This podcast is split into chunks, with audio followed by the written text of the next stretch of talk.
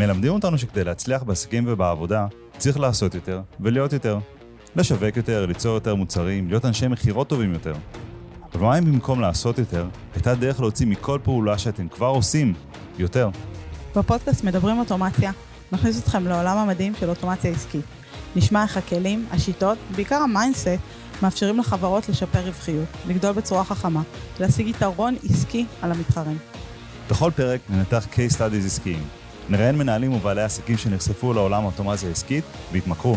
ניכנס אל מאחורי הקלעים של התהליכים, ננתח מה בדיוק היה שם, מהאסטרטגיה, דרך הטכנולוגיה ועד לאימפקט העסקי.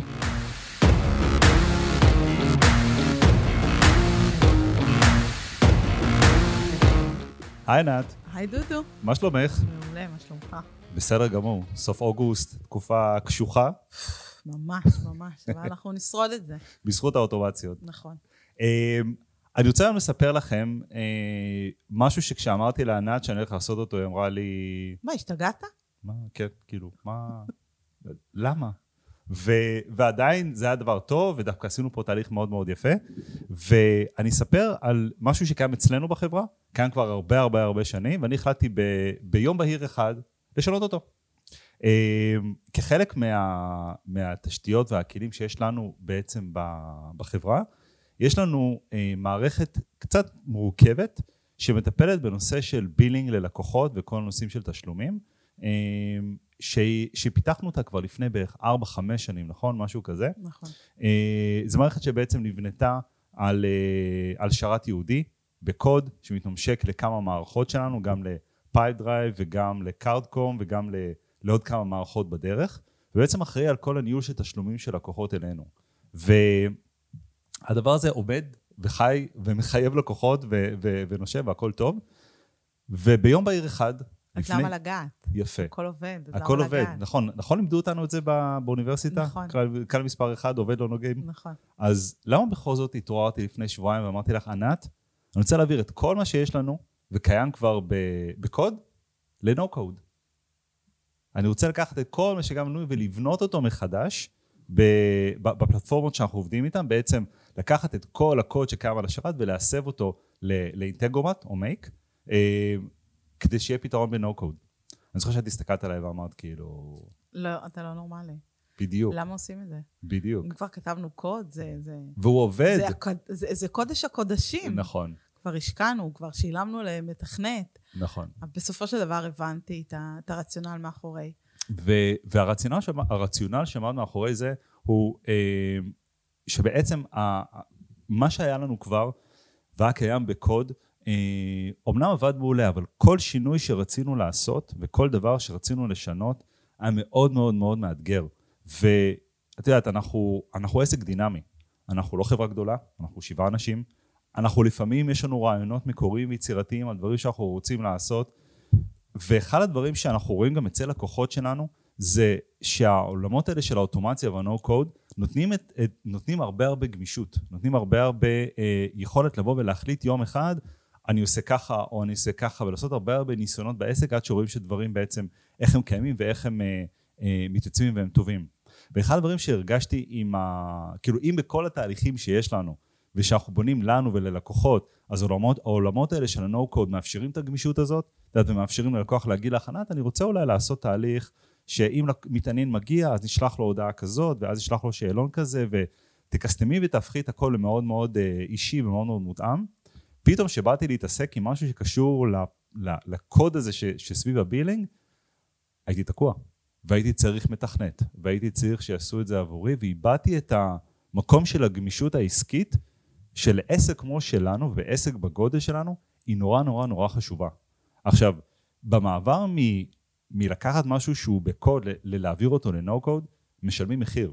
א', כמו כל תהליך, ותכף נדבר על התהליך עצמו, כי את ככה באת ומאוד אה, הכתבת את התהליך בצורה אה, אה, אה, דידקטית ומובנית. אה, אבל יש את כל הזמן של לבוא ולהחליט שאוקיי, אני צריך להבין מה יש שם, אני צריך לעשות כל השלב האפיון, אני צריך לעשות כל שלב ההקמה, וגם ההבנה שבנו קוד, אה, בניגוד להרבה פעמים בקוד, אנחנו כן משלמים עלות חודשית כלשהי שבקוד הרבה פעמים יהיה לנו אותה אולי ברמה נמוכה יותר. זאת אומרת, מה שהיה לנו ברמת השרת, התהליך שלנו, הקוד שלנו שרץ על השרת, שילמנו לש... להשרת, יש לנו שרת במערכת שנקראת הרוקו, שיש לנו שם כל מיני אפליקציות קטנות, ושילמנו על השרת הזה איזה עלות חודשית כלשהו. וזה לא היה קשור לכמות הדאטה שיש לנו בתוך המערכת וכמות, ה... לצורך העניין הלקוחות שעליהם אנחנו עוברים. כשאנחנו עוברים ל-No Code, אנחנו משלמים איזה מחיר כלשהו, כי, כי בהרבה מערכות No Code, דיברנו על זה גם בפרק הראשון, בעצם סופרים את ה...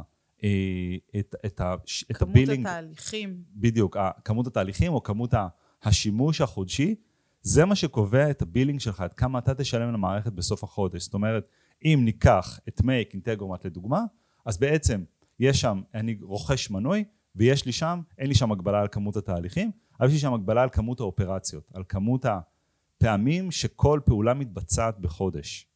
שזה יכול מאוד מאוד להרתיע מישהו שבא ואומר, אה, אני לא מוכן לשלם עלות חודשית. ואת מכירה את זה, נתקלנו בזה בעבר ב... בעצם להסביר ללקוח, זה לא תמיד פשוט, את כל הקונספט הזה של השימוש, אה, של התשלום לפי שימוש. נכון. מצד שני, צריך להסתכל על הצד החיובי של זה, שאתה נהיה אדון לעצמך, אתה שולט בתהליכים, אתה יכול לשנות אותם, אתה לא נשוי למתכנת. נכון. אה, אנחנו יודעים היום שהעולם הולך לכיוון הזה. אה, בכל התחומים. היום יותר ויותר מערכות פותחות אפליקציות בתוך אינטגרומט ומייק, על מנת שבעלי העסקים יוכלו לתפעל את זה אה, בעזרתנו או בעזרת, אה, בעזרת מישהו טכני בארגון, ולא להיות נשוי למתכנת. נכון. אני חושבת שזה הקושי הגדול. אני חושב שאחד כי הדברים... כי בנוסף לזה, סליחה, לפעמים אתה לא מדבר עם המתכנת שלך כבר מלא מלא זמן, ואז אתה פונה למישהו אחר, והוא אומר לך, אבל אני לא מבין כלום בקוד הזה. לוקח לי זמן, אני צריך לקרוא, אני לא מכיר את השפה. זאת אומרת, אתה, בנוסף לזה, הגמישות של לעבור ממתכנת למתכנת היא גם מאוד מאוד קשה. נכון. זאת אומרת, אתה לא יכול לעבור מאחד לשני בקלות, כמו שפה עוברים, יכולים, כן? לעבור ממנהל אוטומציה אחד לשני, או להעביר את הסמכות למישהו טכני בארגון? אני חושב שא', אה, את יודעת, קל לנו לדבר כי אנחנו מבינים את העולמות של ה-No Code, כלומר אנחנו חיים את העולמות האלה, אבל כן, גם חברה כלשהי אה, שאין לה את היכולות האלה של ה-No Code, של האוטומציה הפנימית, היא תצטרך בן אדם שמבין, כלומר, זה לא ש-No Code הופך את זה עכשיו למשהו שכל אחד ברחוב שלא למד אוטומציה בחיים שלו יכול לקרוא, אבל אתה פותח את, ה, את, ה, את המרחב שלך לאנשים שהם גם לא אנשי קוד, אלא שהם אנשי נו קוד, שיודעים לעבוד עם סט כלים אחר ויותר רחב, ויודעים להבין תהליכים העסקיים, כל מה שדיברנו עליו על, נכון. על המהפכה הגדולה הזאת של עולמות הנו קוד. ואת נגעת בנקודה שהיא נורא נכונה, כי כשאני רציתי לעשות את השינוי הזה, אני הייתי צריך ליצור קשר עם המתכנת שבנה לנו את הקוד הזה בפועל. בן אדם מקסים, אני מאוד מאוד אוהב אותו. והייתי צריך שהוא ייזכר במה שקרה, והייתי צריך שהוא יעשה את זה, והייתי צריך לוודא שהוא אה, אה, בדק את זה, כל כך הרבה היה מחוץ לידיים שלי, ש... שזה קצת באז אה, קילר אה, של יצירתיות. לא, לא, אני לא רוצה בכלל להתאמץ ולשנות, כי זה כאב ראש אחד גדול. נכון, כי אבל גם... אבל אני רוצה שנצלול רגע, מהרגע שהחלטת, מה היה השלב הראשון שעשית? אוקיי, אוקיי. אז דבר ראשון, זה היה בשבת בבוקר לדעתי. את יודעת, שהילדים ישנים ו- וכולם ישנים ויש זמן, ישבתי על, ה- על הדק אצלנו בחוץ, וה- ופתאום היה לי התובנה שאפשר לעשות איזה תהליך כלשהו, ישבתי, כתבתי אותו על דף נייר. כמה שאנחנו דיגיטליים וכמה שאנחנו אונליין, אני חושב ששום דבר לא מנצח את המחברת בסוף. אה, וכתבתי את זה על דף נייר. נתתי את זה לרוץ אצלי בראש כמה ימים, איך אני רוצה את התהליך, איך אני רוצה שהוא יהיה. אחרי כמה ימים שככה איבדתי ועיכלתי והוספתי לדף כל מיני נקודות שלא חשבתי עליהן, הדבר הבא שעשיתי בעצם זה לאפיין את זה ברמת התהליך בתרשים הזרימה כבר. אנחנו עובדים עם מירו.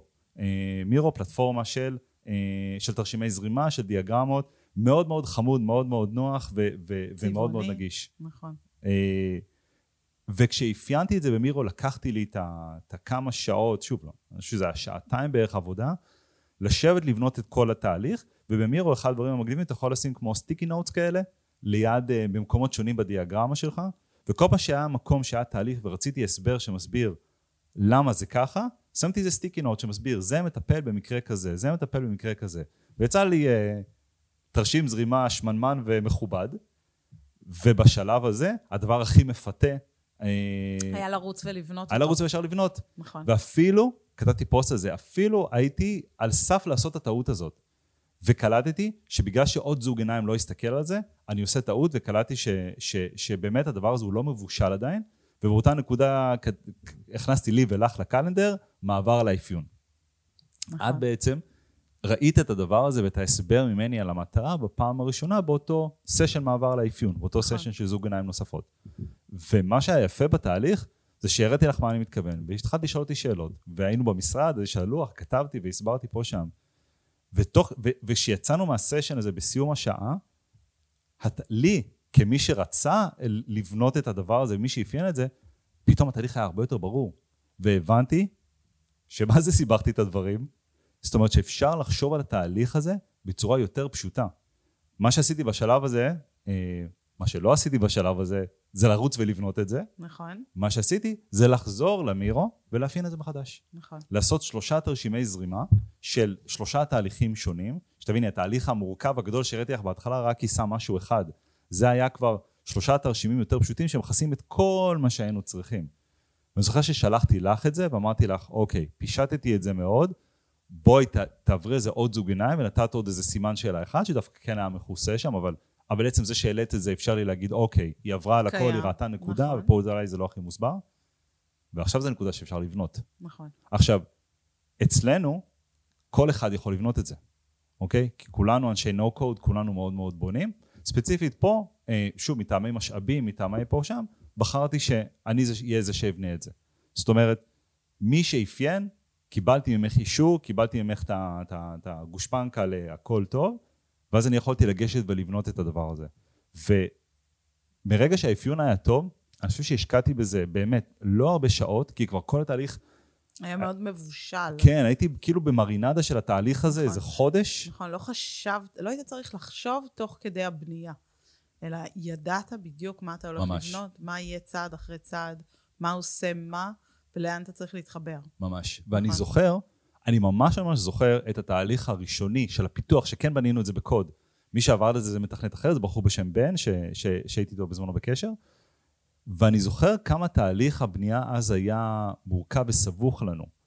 אבל זה היה בעיקר כי, אחת, זו פעם ראשונה שבנינו את זה, ושתיים, אה, כי, כי כל הפיתוח היה בידיים שלו.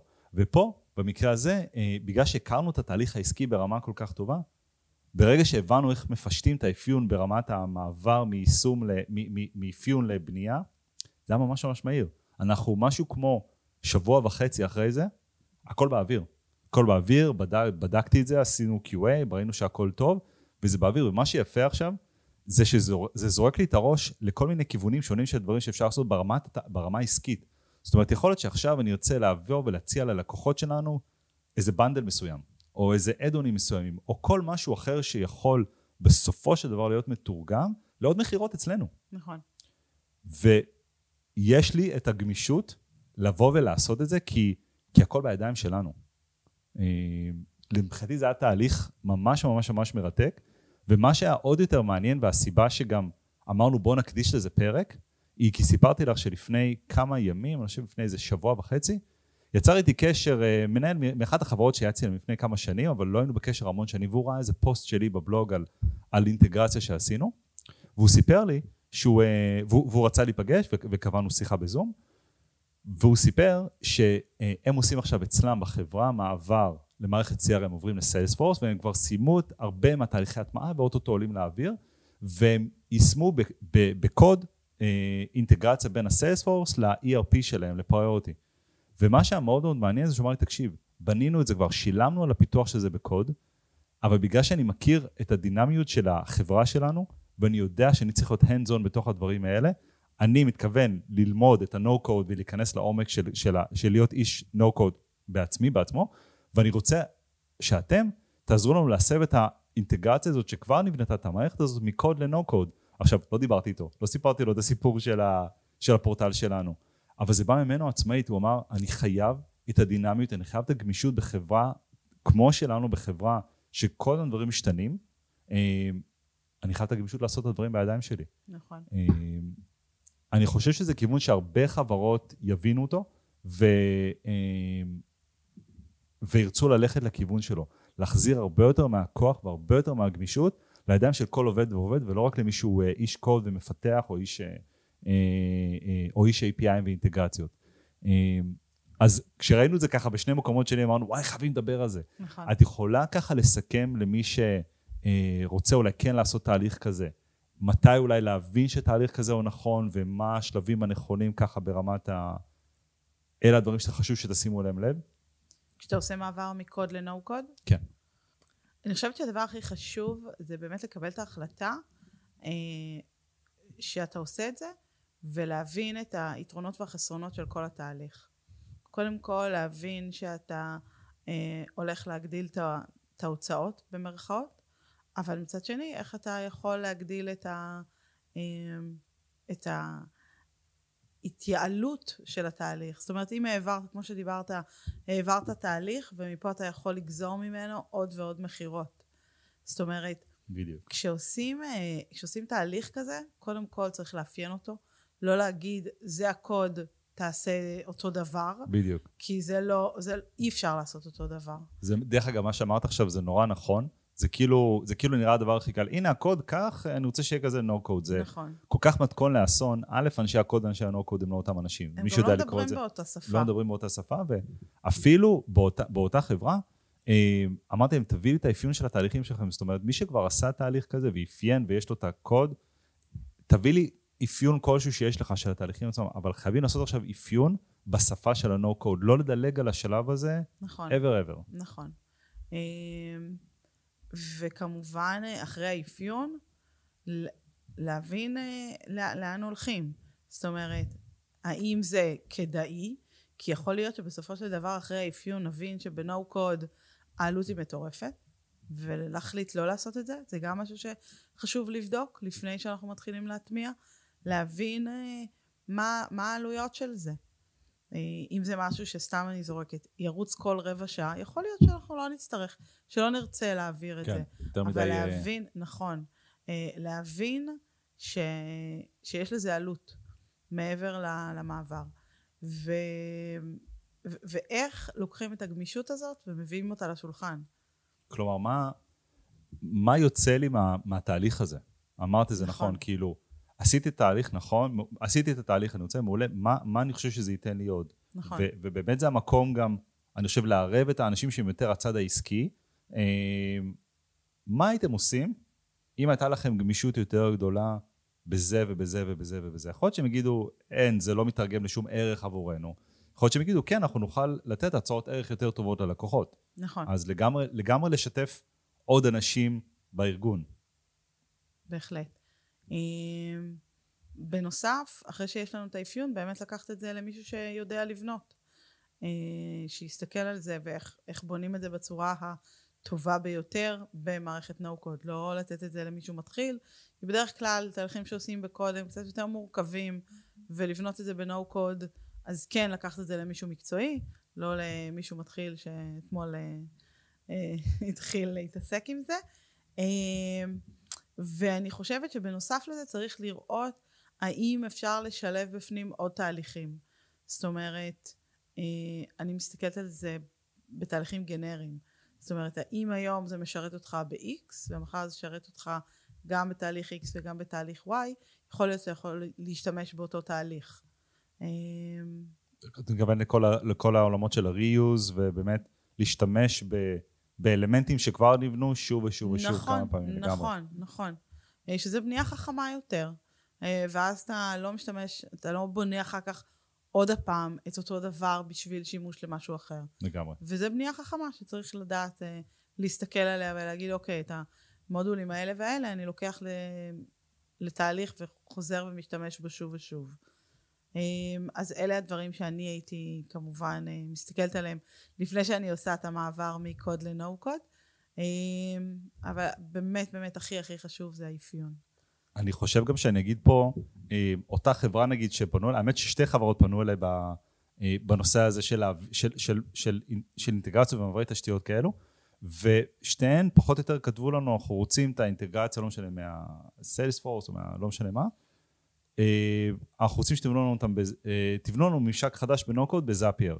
עכשיו, אה, אל תצמדו לאיך, למערכת שבה זה יהיה, נכון. אני כן אגיד פה שלדוגמה, זאפייר היא בדרך כלל מערכת שהיא מאוד טובה לדברים מאוד מאוד מסוימים, מאוד מאוד שבלונים, ולדברים שהם לפעמים יותר מורכבים, זאפייר לא ייתן לכם את המענה, אוקיי? אז אפשר להחליט, כלומר, בתוך העולמות האלה של מערכות ה-No-Code שקיימות, אה, וזה יכול להיות אה, זאפייר ואינטגרומט סלאש מייק, או וורקאטו לארגונים, או פייפדרים שיש בה גם, שיש מערכת no-code אבל, אבל שהיא הרבה יותר מערכת low-code, הרבה יותר נטייה ל, ל, ל, לעבודה עם קוד, אבל קוד יחסית פשוט.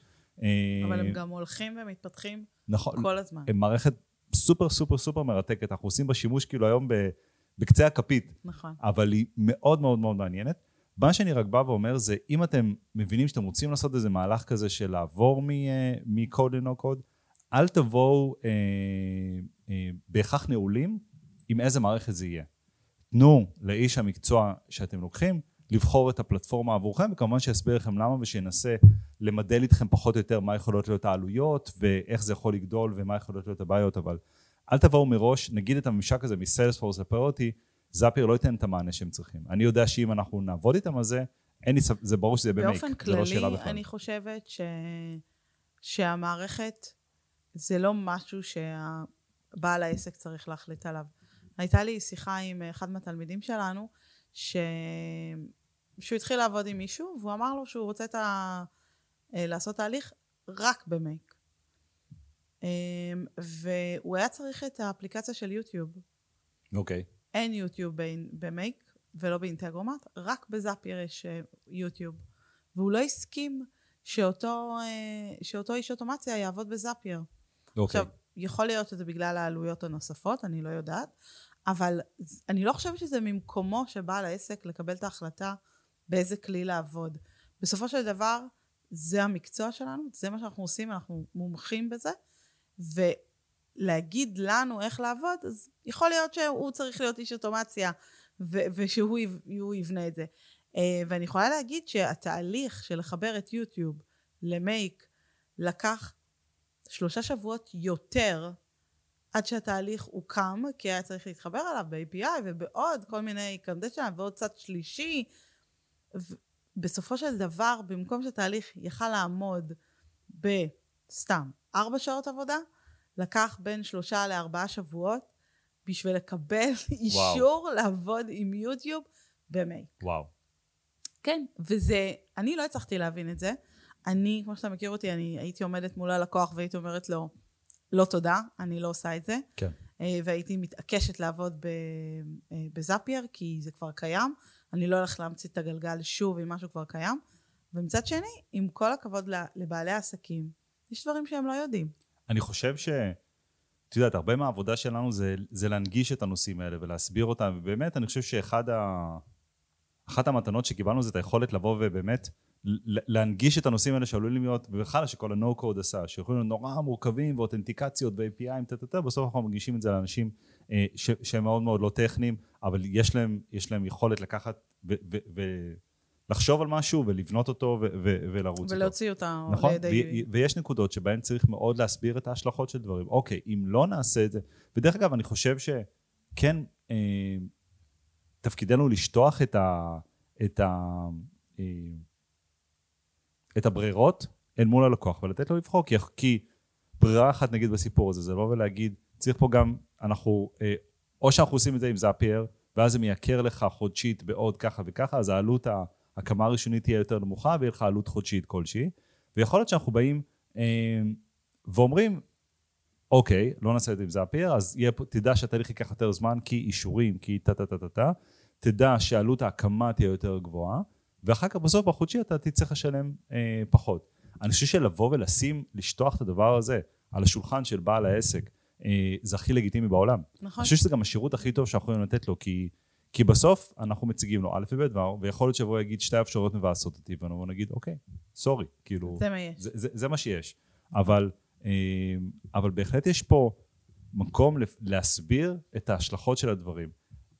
אני זוכר שדיברנו על העניין של איך מסבירים ללקוח כאילו, כמה הולך לעלות לו המייק בחודש, כמה הולך לעלות לו הזאפר בחודש, ואי אפשר בהכרח לדעת. נכון. כי זה מאוד תלוי במערכות האלה, בכמות הפעולות שקורות, זה גם תלוי כמה אופטימלי בנית את הדברים. Uh, במייק אני יכול לעשות הרבה הרבה פעולות בתוך בלוק אחד ולעשות דברים נורא נורא בצורה יעילה. אה, וגם בזאפייר, אם אני צריך, אני אפתח קוד של אה, בלוק של קוד, ואני יכול לעשות שם הרבה פעולות אחת אחרי השנייה. נכון, וגם כשאנחנו אנחנו רואים את זה בהרבה מאוד חברות, שאנחנו מטמיעים להם תהליכי אוטומציה, אה, באופן טבעי הן גודלות. ואז הפעולות נכון. פשוט, יש יותר ויותר פעולות. נכון. כשהחברה גדלה ויש יותר לקוחות ויש יותר תהליכים. באופן טבעי, כשמתפנים מה-day to day לדברים יותר חשובים, אז יש יותר לקוחות ויש יותר פנאי, ואז נכון. אנחנו לא יכולים לצפות כמה נכון. יעלה. אבל בסוף הכל, הכל בראייה שלנו, הכל צריך להיות... אה, משוקף זה, ללקוח. זה, הכל צריך להיות משוקף, הכל צריך להיות בסוף גם ב-ROI חיובי. בסוף, אם אני משלם למערכות אה, אוטומציה שלי אפילו אלף שקל בחודש, אה, שזה לא מעט כסף. נכון. מצד שני, אם הדבר הזה מאפשר לי להגדיל את העסק שלי ולהגדיל את כמות הפעולות ולחסוך בעבודה ידנית, וזה חוסך לי אלפי ועשרות אלפי שקלים בחודש, אז uh, צריך לזכור תמיד להסתכל על המשוואה הזאת משני הצדדים שלה. נכון. נכון, נורא קל להסתכל על כמה אני משלם על המערכות ואימא'לה ואבא'לה. Uh, מצד שני, כמה, כמה חסכתי? אני זוכר, אגב, יהיה לנו פרק ייעודי על וואטסאפ, אז אנחנו לא ניכנס לפה, אבל כשאנחנו רצינו להיכנס בזמנו לעולם של וואטסאפ, אני זוכר שעמדנו מול הלוח, ופרד, זה היה כש, כשרק התחילו לצאת עם, עם אוטומציות לוואטסאפ ואישור של מספרים והכל.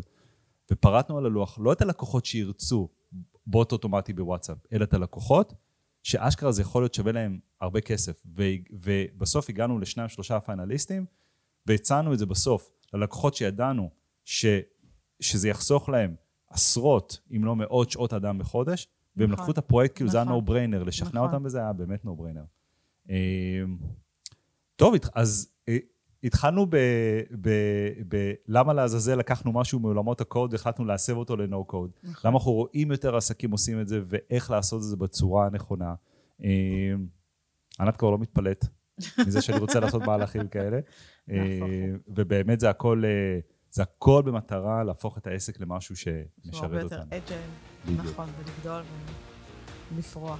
ענת גרינברג, תודה רבה. תודה רבה, דודו ביי ביי. ביי.